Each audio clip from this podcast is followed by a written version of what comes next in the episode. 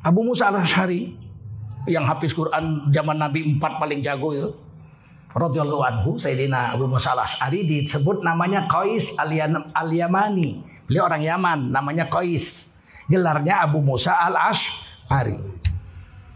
Qais al-Yamani ini saking dahsyatnya zikir baca Quran, zikir baca Quran, nggak ada kerja lain.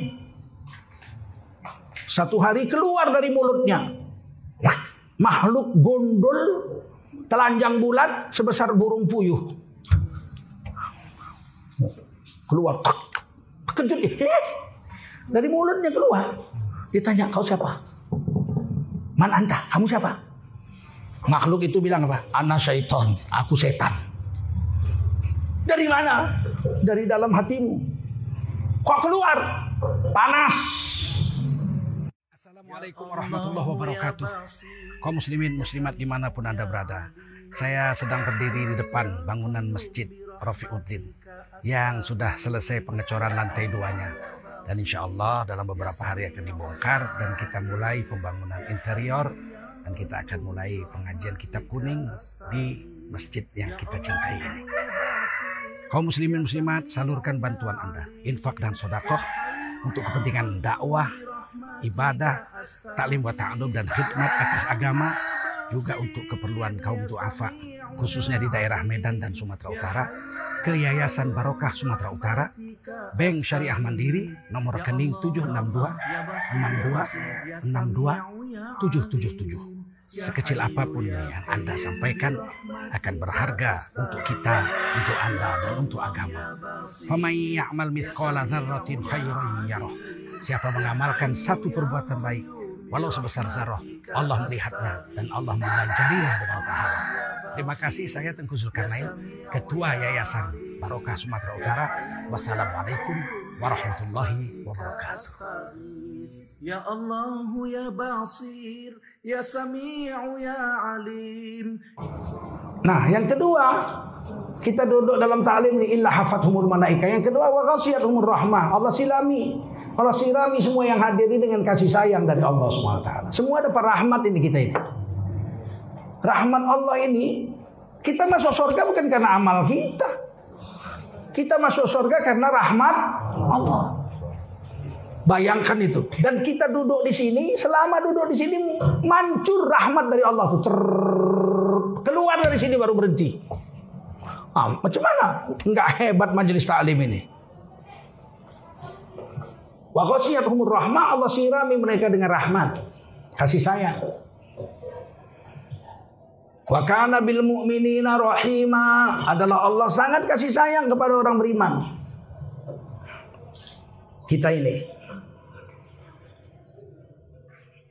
Wa nazalat alaihi sakinah. Yang ketiga diberi ketenangan jiwa. Ada sakinah. Ngaji ini ada sakinah. Aku kok enggak ya Pak Ustadz? Aku kalau ngaji gelisah kali aku macam dicakar-cakar dadaku rasanya gatal. Oh berarti setannya masih besar.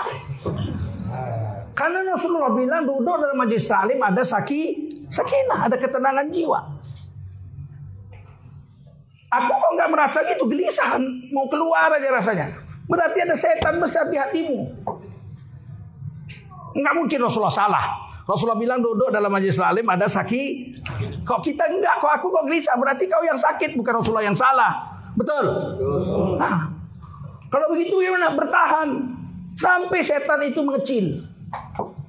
Emang ada setan di hati kita? Ada. Hadisnya Sahih Muslim itu. Ma minkum min ahadin illa walahu syaitan. Tiap-tiap diri kamu satu-satu di dalam dadamu ada setan masing-masing. Saya ada setan saya. Kalau kita jenderal, setannya jenderal juga.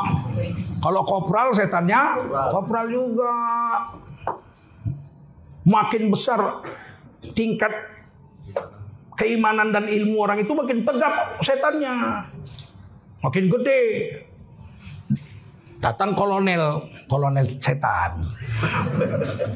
Menggoda, nggak mempan. Lapor dia sama iblis. Tuan Raja, nggak mempan. Kenapa itu Pak Azroi kalau kolonel nggak mempan? Oh dikirim brigjen. Brigjen setan. Begitu.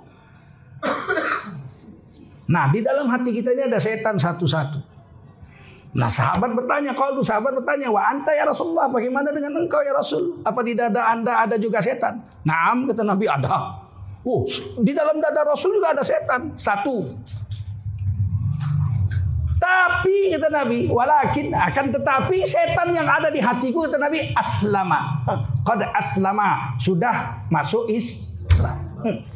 Sudah menyerah dengan Allah nggak berani. Satu-satunya setan satu-satunya setan yang nyerah aslama setannya Rasulullah Shallallahu Alaihi Wasallam. Ini hadis Sahih Muslim. Sehingga Nabi nggak nggak nggak mempan setan di hatinya, nggak nggak berkutik. Masuk Islam, menyerah. Kalau kita dalam sholat kita bilang wa ana minal muslimin, nyerah. Aku salah satu dari orang yang berserah diri dengan Allah. Setan Rasulullah aslama, menyerah diri, nggak berani ngelawan. Bagaimana dengan setan sahabat? Wah, ada satu orang sahabat. Abu Musa al-Ashari yang hafiz Quran zaman Nabi 4 paling jago itu. Radhiyallahu anhu Sayyidina Abu Musa al-Ashari disebut namanya Qais al-Yamani. Beliau orang Yaman, namanya Qais. Gelarnya Abu Musa al-Ash'ari. Qais al-Yamani ini saking dahsyatnya jikir baca Quran, jikir baca Quran, nggak ada kerja lain. Satu hari keluar dari mulutnya ya, makhluk gondol telanjang bulat sebesar burung puyuh. Keluar, kejut eh, dari mulutnya keluar. Ditanya kau siapa? Man anta? Kamu siapa? Makhluk itu bilang apa? Ana syaiton, aku setan. Dari mana? Dari dalam hatimu. Kok keluar? Panas.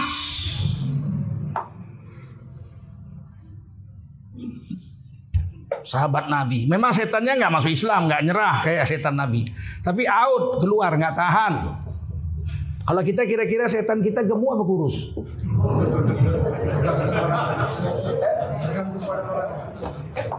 Ah, setan yang di dalam dada kita ini kongsi sama kita kongsi. Kata Nabi dalam hadis lain, kalau kita makan nggak baca Bismillah, setan yang dalam hati kita ikut makan. Kalau kita minum nggak baca Bismillah tangan kiri pula, maka setan di hati kita ikut minum. Dalam hadis Bukhari ya dalam hadis Bukhari dalam kitab Lu'lu' wal Marjan itu saya baca. Bertemulah dua orang Islam di tengah jalan. Yang satu orang soleh, yang satu orang bejat. Itu, yang satu orang soleh, yang satu orang bejat. Yang satu orang soleh, yang satu PKI gitulah kira-kira. Kan PKI bejat, mana ada PKI baik. Sekarang orang bilang PKI enggak jahat, PKI dipitnah. Yang fitnah Pak Arto. Eh, PKI di Cina bunuh 100 juta orang. PKI di Rusia pun bunuh puluhan juta orang. PKI di Kamboja bunuh pakai kampak 3 juta orang. 700 ribu di antaranya orang Islam. PKI di Albania bunuh orang. Tiba-tiba PKI di Indonesia culun-culun gitu. Imun-imun gitu. Palatuk kau lah. Gimana ada PKI baik ya enggak? PKI itu dipitnah Pak Harto. Eh, tahun 1948 PKI juga membunuh kiai-kiai dan tentara di Madiun, betul? Eh, tahun 48 Pak Harto itu masih umur berapa?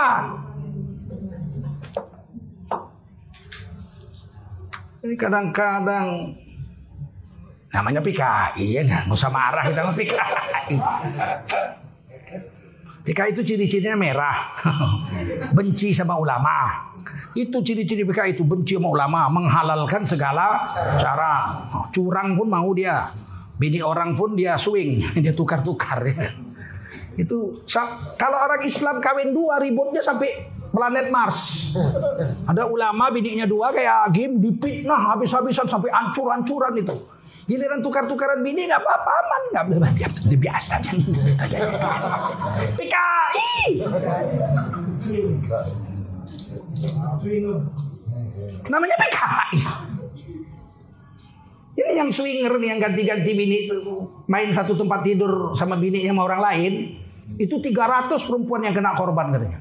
Dosen Universitas NU Yogyakarta pula itu innalillahi wa inna. Jangan bawa-bawa NU. Ya nggak dibawa-bawa, tapi kita bawa. Kita bawa kan. Terbawa kalau dia dosen NU betul dia dosen NU terbawa. Kalau saya saya pecat nih orang betul nggak? Sampai kiamat nggak boleh masuk kampusku lagi ya nggak? Entahlah kalau aku, aku kan bukan rektor. Saya baru tahu itu dia dosen. Nah, dosen UGM, dosen ya gitulah. Katanya dosen NU juga. Saya mau tunggu dipecat nggak nih orang? Jadi PKI orang nikah dia ribut, orang berzina dia tenang. Sehobi. Saya nggak bu, nggak usah khawatir istri saya satu bu. Nggak niat saya kawin dua. Satu aja hajab awalnya nggak.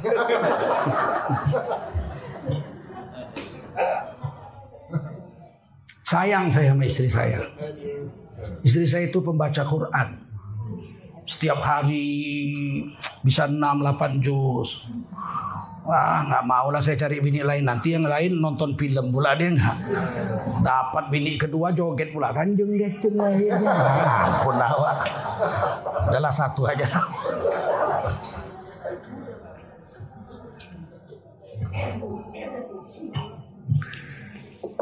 Setan yang ada di hati kita itu namanya korin. Apa namanya? Korin. Korin.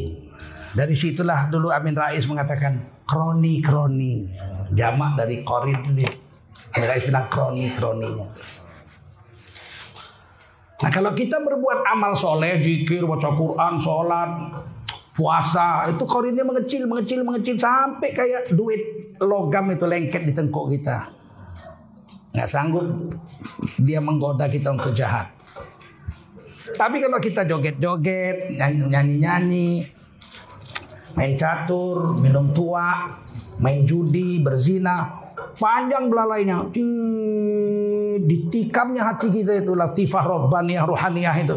Dua jari di bawah susu kita itu. Tikamnya itu. Sehingga kalau kita mau berbuat soleh, mau beramal soleh, berat. Datang kawan kita deng deng deng deng deng deng. Pak Ustad, eh Pak Udin, eh yuk ke kita ya udah mau isya. Aduh, macam mau demam kurasa. macam mau demam kurasa dari tadi sore tak sedap kali badanku kurasa.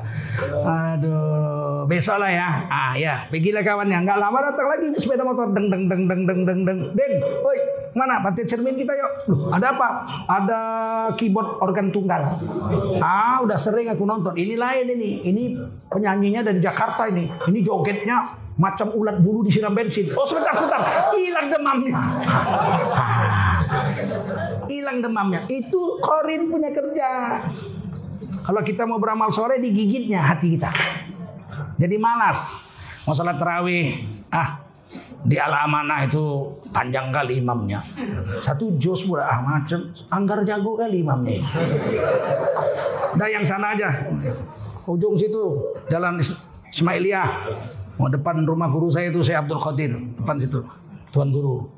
Ah itu pun memang 23 rakaat bukan satu juz tapi siapnya nanti jam setengah sepuluh. Lama kali. Nah, kalau gitu cari yang anu, sana Masjid Muhammadiyah atau sebelah rakaat. Ya lebih parah lagi, siapnya jam 10. Memang 11 rakaat, tapi jam 10. Aduh, mak, mana? Sana ujung sana ada itu. Oh, 23 rakaat 7 menit. Wah. Paham ya? Nah, makanya kita disuruh datang ini bukan bukan apa-apa. Saya mau beritahu ini karena ini pengajian malam pertama ini tahun ini 1442 ini. So tahun ini kalau ada ngaji di mana ada datang lah. Biar 10 menit kita punya waktu 10 menit pun nggak apa. Tapi yang penting kita masuk dalam golongan orang yang mendapatkan payung malaikat, rahmat Allah dan saki. Yang keempat wa dzakarahumullahu fiman indahu. Nama mereka satu-satu disebut di langit oleh para malaikat sehingga dia tidak terkenal di dunia tapi terkenal di langit. Di dunia gembel, tinggal pinggir hutan, bininya pun melarikan diri saking miskinnya. Kabur kata orang Jawa bini. Kau ada bini? Ada. Kau sekarang nggak ada bini kau? Nggak tahan dia. Tiga hari sekali baru makan nggak terkenal. Tapi kalau dia rajin datang majelis zikir, majelis talim, namanya terkenal di langit. Malaikat setiap hari menyebut-nyebut namanya. Sehingga ketika dia mati, seluruh malaikat selangit memohonkan ampunan atas dosa-dosanya. Itu hebatnya orang yang sering datang majelis zikir, majelis talim itu. Itu hadis. Hadis yang lain, sohe juga. Ketika nanti kita bubar berdiri mau pulang, malaikat di langit berseru. Kumu maghfuran. Kumu maghfuran. Berdirilah kamu, dosa-dosa kamu sudah diampuni oleh Allah Subhanahu wa taala. Jadi yang duduk sini ini semua diampuni dosa. Pahala tidak sama, pahala tidak sama, tapi dosa ampun semua dapat. Kalau pahala tentu tidak sama, tergantung susahnya. Yang sibuk sekali duduk sini tentu lebih besar pahalanya dari yang tidak sibuk. Yang sakit datang sini ngaji tidak sama dengan orang yang sehat datang sini ngaji. Pahalanya nggak sama. Dosa semua diampuni. Yang rumahnya dekat jalan kaki dengan yang rumahnya jauh tentu tidak sama pahalanya. Meskipun semua dosa diampuni. Makin jauh rumahnya datang sini makin besar pahalanya. Nah yang paling besar pahalanya saya lah. Dari Jakarta nih kapal terbang dua jam. Itu pahala. Tapi kalau dosa semua diampuni. Kumu wakfuran. Berdiri. Kamu dosa kamu sudah diampuni. Malaikat bertanya ya Allah dalam majelis itu ada si Fulan bin Fulan dia kecapean. Hajab kali dia jual getuk keliling kampung. Ngaji juga dia begitu sampai masjid dia nyender tertidur. Apakah dosanya diampuni juga? Kata Allah, ampuni dosanya walaupun dia dalam majelis itu tertidur. Kalau ampunan dosa semua dapat. Cuman ilmu dia nggak dapat, dia tertidur. Tapi ampunan dosa dia dapat, pahala dia dapat. Ilmu tak dapat. Istrinya nanya, dari mana bang kok pulang jam 10? Ngaji. Siapa ustadznya? Tengku lain dari Jakarta. Apa isi ceramahnya? Ama Badu. Oh, ada tidur. Ilmu dia tak dapat, tapi seluruh fadilah-fadilah yang lain dia ada. Soal ilmu pak, taklah berdosa kita ngaji 90 tahun bodoh terus. Gak berdosa. Setiap ada pengajian datang, tiap ada pengajian datang, tapi sampai mati bodoh terus, tak berdosa pak. Yang diwajibkan bukan jadi alim, yang diwajibkan menuntut ilmu. Betul nggak? Talabul ilmi faridatun ala kulli muslim. Menuntut ilmu itu wajib bagi setiap orang Islam. Mendapatkan ilmu bukan urusan kita itu. Nggak berdosa kita ngaji 90 tahun bodoh terus. Memang dasar otaknya ya IQ-nya 200 tapi bagi sekolah ya biar aja. Nggak ada urusan bodoh. Karena ilmu itu diberi Allah. Menuntutnya wajib, mendapatkannya nggak wajib. Malaikat waktu kalah debat dengan Nabi Adam, wa 'allama Adam al-asma'a kullaha summa 'aradahum 'alal malaikah faqala ambiuni bi asma'iha ulai in kuntum sadiqin Ah. Allah berikan ilmu kepada Nabi Adam sekali rab langsung alim Nabi Adam. Karena ilmu itu diajarkan Allah. Wa 'allama Adam al-asma'a kullaha. Dan Allah telah memberikan ilmu pada Nabi Adam nama segala sesuatu. Ini namanya kentang, ini namanya racun, ini namanya batu, ini namanya tahu semua Nabi Adam. Sekali rep aja. Tip, langsung orang dikasih ilmu itu diberi. Dulu susah memahamkan tafsirnya, sekarang gampang kan adalah komputer sekarang. Beli laptop kosong, masukkan programnya, tek, cik, upload, tek, cenget, penuh langsung bisa mengetik, bisa mengedit, bisa ya kan? Lu komputer aja bisa pandai dalam dua menit, kenapa Nabi Adam gak bisa pandai dibikin Allah dalam satu detik? Kata Allah, hei malaikat beritahu nama-namanya ini. Kalau memang betul kamu merasa lebih pandai dari Nabi Adam. Apa kata malaikat? Kalau berkata malaikat, La ilma lana illa ma'allam Tiada ada, tidak ada ilmu pada kami Allah kecuali yang telah kau ajarkan saja sama kami. Jadi ilmu itu memang diberi Allah. Wa ma utitum minal ilmi illa qalila. Tidak aku beri ilmu kepadamu kata Allah kepada manusia ini. Kecuali sedikit sekali. Nah ilmu ini bisa datang dengan belajar, mendatangi ustadz, dapat ilmu kalau Allah beri, kalau enggak pun sama bakdu aja lah yang dia tahu. Tapi tidak berdosa, enggak berdosa. Kita berusaha memahamkan agama ini sekuat tenaga. Kalau enggak paham juga gimana? Kecuali ilmu-ilmu fardu ain, syarat sholat, rukun sholat, nah itu kan mestilah ya sekuat tenaga itu pun tidak. Tidak berdosa kalau nggak bisa. Kalau sholat nggak hafal fatihah apa yang bisa aja. Bismillahirrahmanirrahim. Udah, itu aja yang bisa. Kalau ilmu. Karena Allah yang memberi. Kadang-kadang ilmu dapat dengan ngaji. Kadang-kadang ilmu dapat dengan bertakwa. Wattaqullah wa yu'allimukumullah. Dan bertakwalah kamu, Allah akan mengajari kamu ilmu dengan takwamu itu. Jadi banyak orang yang dapat ilmu langsung dari Allah. Seperti Nabi Khidir, ketemu Nabi Musa kurang hebat apa? Nabi Musa dapat kitab Taurat. Nabi Khidir nggak punya kitab Taurat. Ketemu, lebih hebat Khidir dalam pemahaman. Ditulis dalam surah Al-Kahfi. Dalam hal ilmu syariat, Nabi Musa lah paling hebat. Beliau 25 rasul pilihan masuk dalamnya. Nabi Khidir nggak masuk 25 rasul pilihan itu. Tapi ketika ketemu Nabi Musa mau nanya siapa lebih alim dari saya di dunia. Kurasa nggak ada, ada kata Allah. Temu sama Nabi Khidir. Kena tiga kali. Kau boleh ikut sama aku tapi jangan nanya-nanya. Ah, nggak tahan juga nanya. Tanya tiga kali. Tulis dalam Al-Kahfi. Kalah Nabi Khidir dengan Nabi Musa. Dalam hal kepahaman jiwa. Nah, kalau syariat pan dia Nabi Musa lah sama beliau diturunkan wahyu. Ada orang yang dikasih ilmu oleh Allah yang nggak tahu kita kapan dia belajar. Tiba-tiba pandai aja. Namanya ilmu laduni. Apa namanya?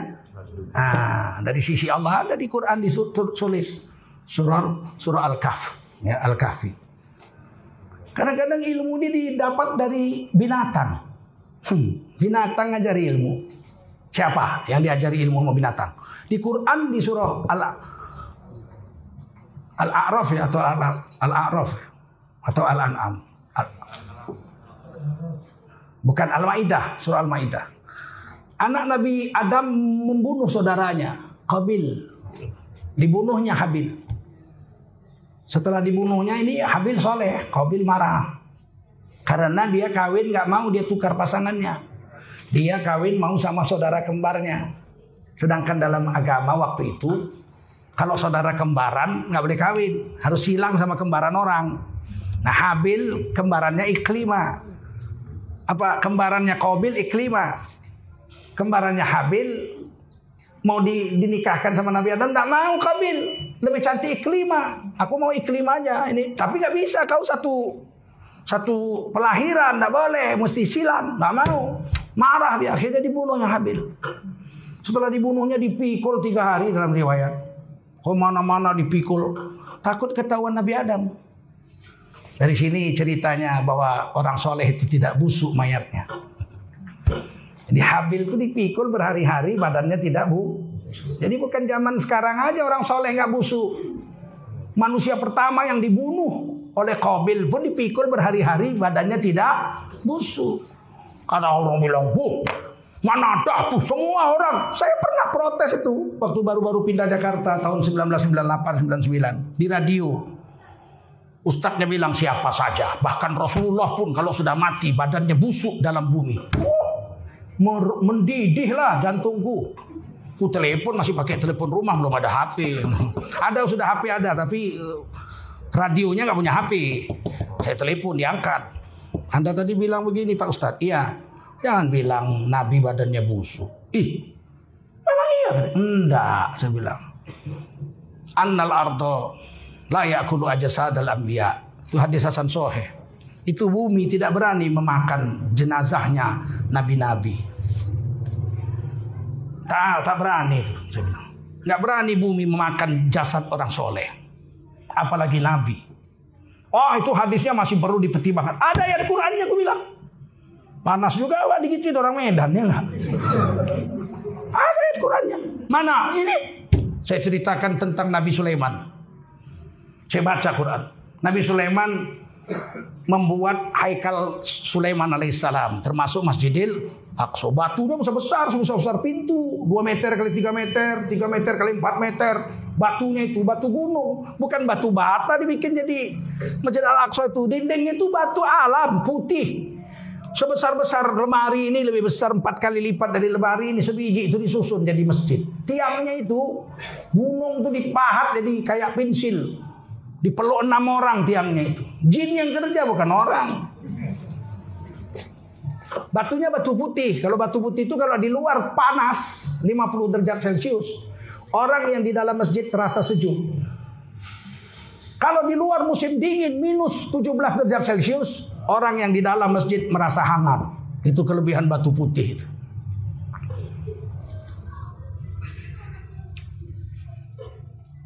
Ketika Nabi Sulaiman kerja jin-jin itu diperhatikan oleh Nabi Sulaiman. Nabi Sulaiman wafat. Wafat pegangan tongkat. Senyum. Maka jin gak tahu Nabi Sulaiman wafat. Jadi jin pun tidak tahu yang goib. Yang tahu yang goib itu hanya Allah. Bertahun-tahun. Lama lah pokoknya. Sampai haikal Nabi Sulaiman itu selesai dibangun semua. Maka kemudian tongkat beliau, tongkat Nabi Sulaiman dimakan rayap. Jatuhlah Nabi Sulaiman ke bumi. Barulah jin bilang, aduh kalau tahu begini nggak mau kami nyiapkannya. Berarti jin tak tahu juga Nabi Sulaiman sudah wafat. Jadi perhitungan, berarti Nabi Sulaiman badannya nggak busuk. Betul? Berapa lama tongkat raja dimakan rayap? Bukan tongkatnya bukan dari kayu ubi. Tongkat raja bukan kayu ubi. Bukan kayu singkong tongkat raja. Kalau di sini kayu jati paling enggak ya enggak. Kalau di sana kayu koka. Kayu yang paling keras. Berapa lama merayap memakannya masa dua hari? Hah, berapa lama mayan apa apa tongkat keropos dimakan rayap? Berapa lama? Hah, tahunan nggak mungkin dua hari, tiga hari, empat hari. Jahat kali lah rayap datang sengaja mau makan itu. Tentu bertahun-tahun. Artinya apa? Nabi Sulaiman tidak busuk jenazahnya, apalagi Nabi Muhammad Sallallahu Alaihi Wasallam. Langsung dimatikan telepon itu lah nggak fairnya itu. Langsung tunggu, tunggu, tunggu, tunggu. Dia bilang, waduh putus, dia putus. Saya telepon lagi nggak mau orang ditaruhnya begini. Teleponnya bukan ditutupkannya gitu. Kalau tutupkan guys, telepon lagi nyambung. Letakkannya gini. Nah. Jahatnya orang nggak mau berdebat nggak fair, ya kan? Kalau kita mau dapat ilmu, jangan kita mematikan nurani. Betul. Al Quran cerita Nabi Sulaiman gak busuk jenazahnya kok apalagi Nabi Muhammad yang pangkatnya Sayyidul Anbiya iwal Mursalin begitu dan baru dibuktikan Allah. Terjadi banjir di Medina. Gunung Uhud itu banjir, terendam air di lembah Uhud itu, terangkat jenazah-jenazah 70 orang ahli Uhud itu. Sudah 1400 tahun. Perang Uhud kan tahun ketiga. Sekarang 1442. Kan berarti 1399 tahun dalam kubur. Tiba-tiba naik badannya itu nggak ada busuk. Bahkan Sayyidina Hamzah ketahuan beliau Sayyidina Hamzah karena badannya besar, dadanya terbelah, jantung dan hatinya nggak ada. Kan dicabut sama Hindun. Digigit sama Hindun. Orang tahu lah ini Sayyidina Hamzah. Karena badannya terbelah, jantung dan hatinya tidak ada. Hidup. Tidak busuk. Darahnya masih mengalir harum seperti kesturi. Kalau Sayyidina Hamzah aja mati syahid begitu apalagi Rasulullah Muhammad sallallahu alaihi wasallam. Nah inilah kadang-kadang ilmu ini kata orang Medan degil kali, degil, degil, degil. Dijenggit nih yang cocoknya itu anak. Masih ngeles lagi, masih nyelak lagi. Itu kan orang mati syahid. Kalau mati syahid udah jelas ada ayatnya. Wala taqulu liman yuktalu liman yuktalu fi sabilillahi amwat. Jangan kau katakan orang yang mati di jalan Allah itu mati. Bal ahya, tapi mereka hidup. Itu ada ayatnya. Kalau nabi nggak ada ayatnya. Iya. Orang mati syahid mayatnya memang nggak busuk, ada ayatnya. Dia hidup di kubur, tapi nabi nggak ada. Loh, masa nabi kalah sama orang mati syahid? Mana saya tanya dulu, mana hebat orang mati syahid atau Nabi? Kuat jawabnya. Nabi. Mana ayatnya? Ada ayatnya. Orang mati syahid itu nomor tiga. Derajatnya di sisi Allah. Di akhirat nanti derajat empat orang. Empat golongan yang selamat itu empat. Berapa? Di akhirat yang selamat ada empat golongan. Ditulis di Quran surah Al-Imran. Wa war rasul. Siapa yang taat sama Allah dan taat sama Rasul. فأولئك مع الذين أنعم الله عليهم من النبيين والصديقين والشهداء والصالحين وحسن أولئك رفيقا Orang yang taat sama Allah dan taat sama Rasul Maka mereka kalau mati nanti akan dikumpulkan bersama orang-orang yang telah diberi nikmat oleh Allah Subhanahu wa taala yaitu dari golongan nabi-nabi. Ah. Yang pertama golongan nabi, nabi ada 124 ribu nabi. 313 rasul, 25 rasul pilihan, 5 rasulul azmi, satu sayyidul anbiya wal mursalin.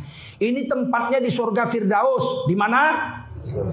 Ada 8 surga, yang paling tinggi adalah Fir. Firdaus tempat nabi-nabi. Kita bisa masuk situ. Walaupun kita bukan nabi. Kalau amal kita seperti yang diajari Nabi. Nabi Muhammad mengatakan bisa kita nanti mati satu tempat dengan nabi-nabi. Oh, bisa. Walaupun kita bukan nabi. Siapa orang yang orang beriman mukmin seperti kita ini kalau mati bisa satu tempat dengan Nabi 124 ribu Nabi di Firdaus. Kata Allah yang pertama, kata, kata Nabi yang pertama orang yang mahir dengan Quran. Al-mahiru bil Quran ma'asafaratil kiramil baroroh. Orang yang mahir dengan Quran. Penghafal Quran, pembaca Quran, siang malam bergaul dengan Quran. Kalau mati di Firdaus bersama nabi-nabi dan rasul, rasul. Yang kedua yang akan bersama nabi dan rasul-rasul di hari kiamat Kata Nabi, ana wa kafilul yatim fil jannah hakadha. Ah, aku dengan orang yang ngurus anak yatim di surga begini. Direnggangkan Nabi jarinya begini. Aku di surga pastilah Nabi masuk surga, betul? Surga Nabi apa? Firdaus. Aku di surga, Firdaus tentunya. Kan Nabi yang ngomong, Nabi yang bersabda. Dengan orang yang mengurus anak yatim seperti ini. Ha. Bayangkan tetangga Rasul. Ini masih jadi panti asuhan Muhammadiyah nih. Ini yang ngurus-ngurus panti asuhan Muhammadiyah ini begini Nabi di hari kiamat. Alangkah cemburunya kita ya enggak? Mau saya enggak bukan pengurus pak. Ya kita biayailah satu orang. Tanya sama panti asuhan Muhammadiyah berapa di sini orangnya? 100 orang. Nah, satu saya yang ngasih makannya, nyekolahkannya, belikan bajunya tiap bulan. Berapa? Kirim sini tiap bulan. Biarpun nggak tidur di rumah kita, tapi kita kafil, kita orang yang menanggung kehidupan anak seperti ini di surga. Yang ketiga, anta ma'aman ahbabta yaumal qiyamah. Kamu nanti akan bersama dengan orang yang kau cintai di hari kiamat. Kalau cinta sama artis sama artis dari sana. Kalau cinta sama Peminum tua sama orang tua lah. Siang malam berkawan sama peminum tua. Lisoi, lisoi, lisoi, lisoi. Oh parmitu. Lisoi, lisoi, lisoi, lisoi. Sirup matu mi. Lisoi. Sirup lah, togu lah, togu. Sama dia lah di akhir kiamat nanti. Hajab ini di, di Batang Kuis kemarin bulan puasa warung tua buka. Bulan puasa warung tua buka, gila gak? Diprotes, yang protes pula mau ditangkap. Mengamuklah kita se Indonesia, betul nggak? Kalian kalau ditangkap orang yang protes warung tua, kalian pilih pilih bela yang ditangkap gara-gara protes atau pilih warung tuanya kalian bela? Kalau kalian bela warung tua nanti di akhirat kalian sama dia. Nah, baru si tanggang dah baru apa namanya itu. Betul. Ini hadis Bukhari Muslim. Anta ma'an ma'aman ahbabta yaumal kiamat kau bersama dengan orang yang kau cintai di hari kiamat. Kau kau bela koruptor sama koruptor kau di sana. Ada yang bela koruptor? Ada. Jaka Chandra Betul nggak? Jenderal polisi yang bela. Oh, dikawal, dikasih surat jalan. Pangkatnya apa? Konsultan Bareskrim Mabes Polri. Maling besar konsultan. Iya, aku pun kadang-kadang cemburu juga. Apa aku harus jadi koruptor dulu baru jadi konsultan? Untung akal kita masih waras, biarlah nggak jadi apa-apa. Asal jangan ikut bergaul sama manusia-manusia bejat. Betul? Yang dibakar foto Habib Rizik. Gak nyambung. Yang nyolong Joko Chandra. Ngurus EKTP setengah jam jadi. Biniku wakil sekjen MUI 10 tahun. Setahun baru siap EKTP biniku. Wakil sekjen Majelis Ulama Indonesia Pusat. Setahun baru jadi. Joko Condro maling besar. Setengah jam jadi. Pasportnya jadi. Yang awal bintang. Jenderal. Kepingin ku cabuti kumisnya sebiji-sebiji. iya. Jangan nyinyir. Jadi Ustaz jangan nyinyir. Harus adem. Adem. Adem gondol mula. Udah kayak gini dibikin negara kita masih adem juga kau ya kan? Ya protes dong, betul. Dan itu dilindungi oleh Undang-Undang Dasar 45 pasal 28. Berkumpul dan mengeluarkan pen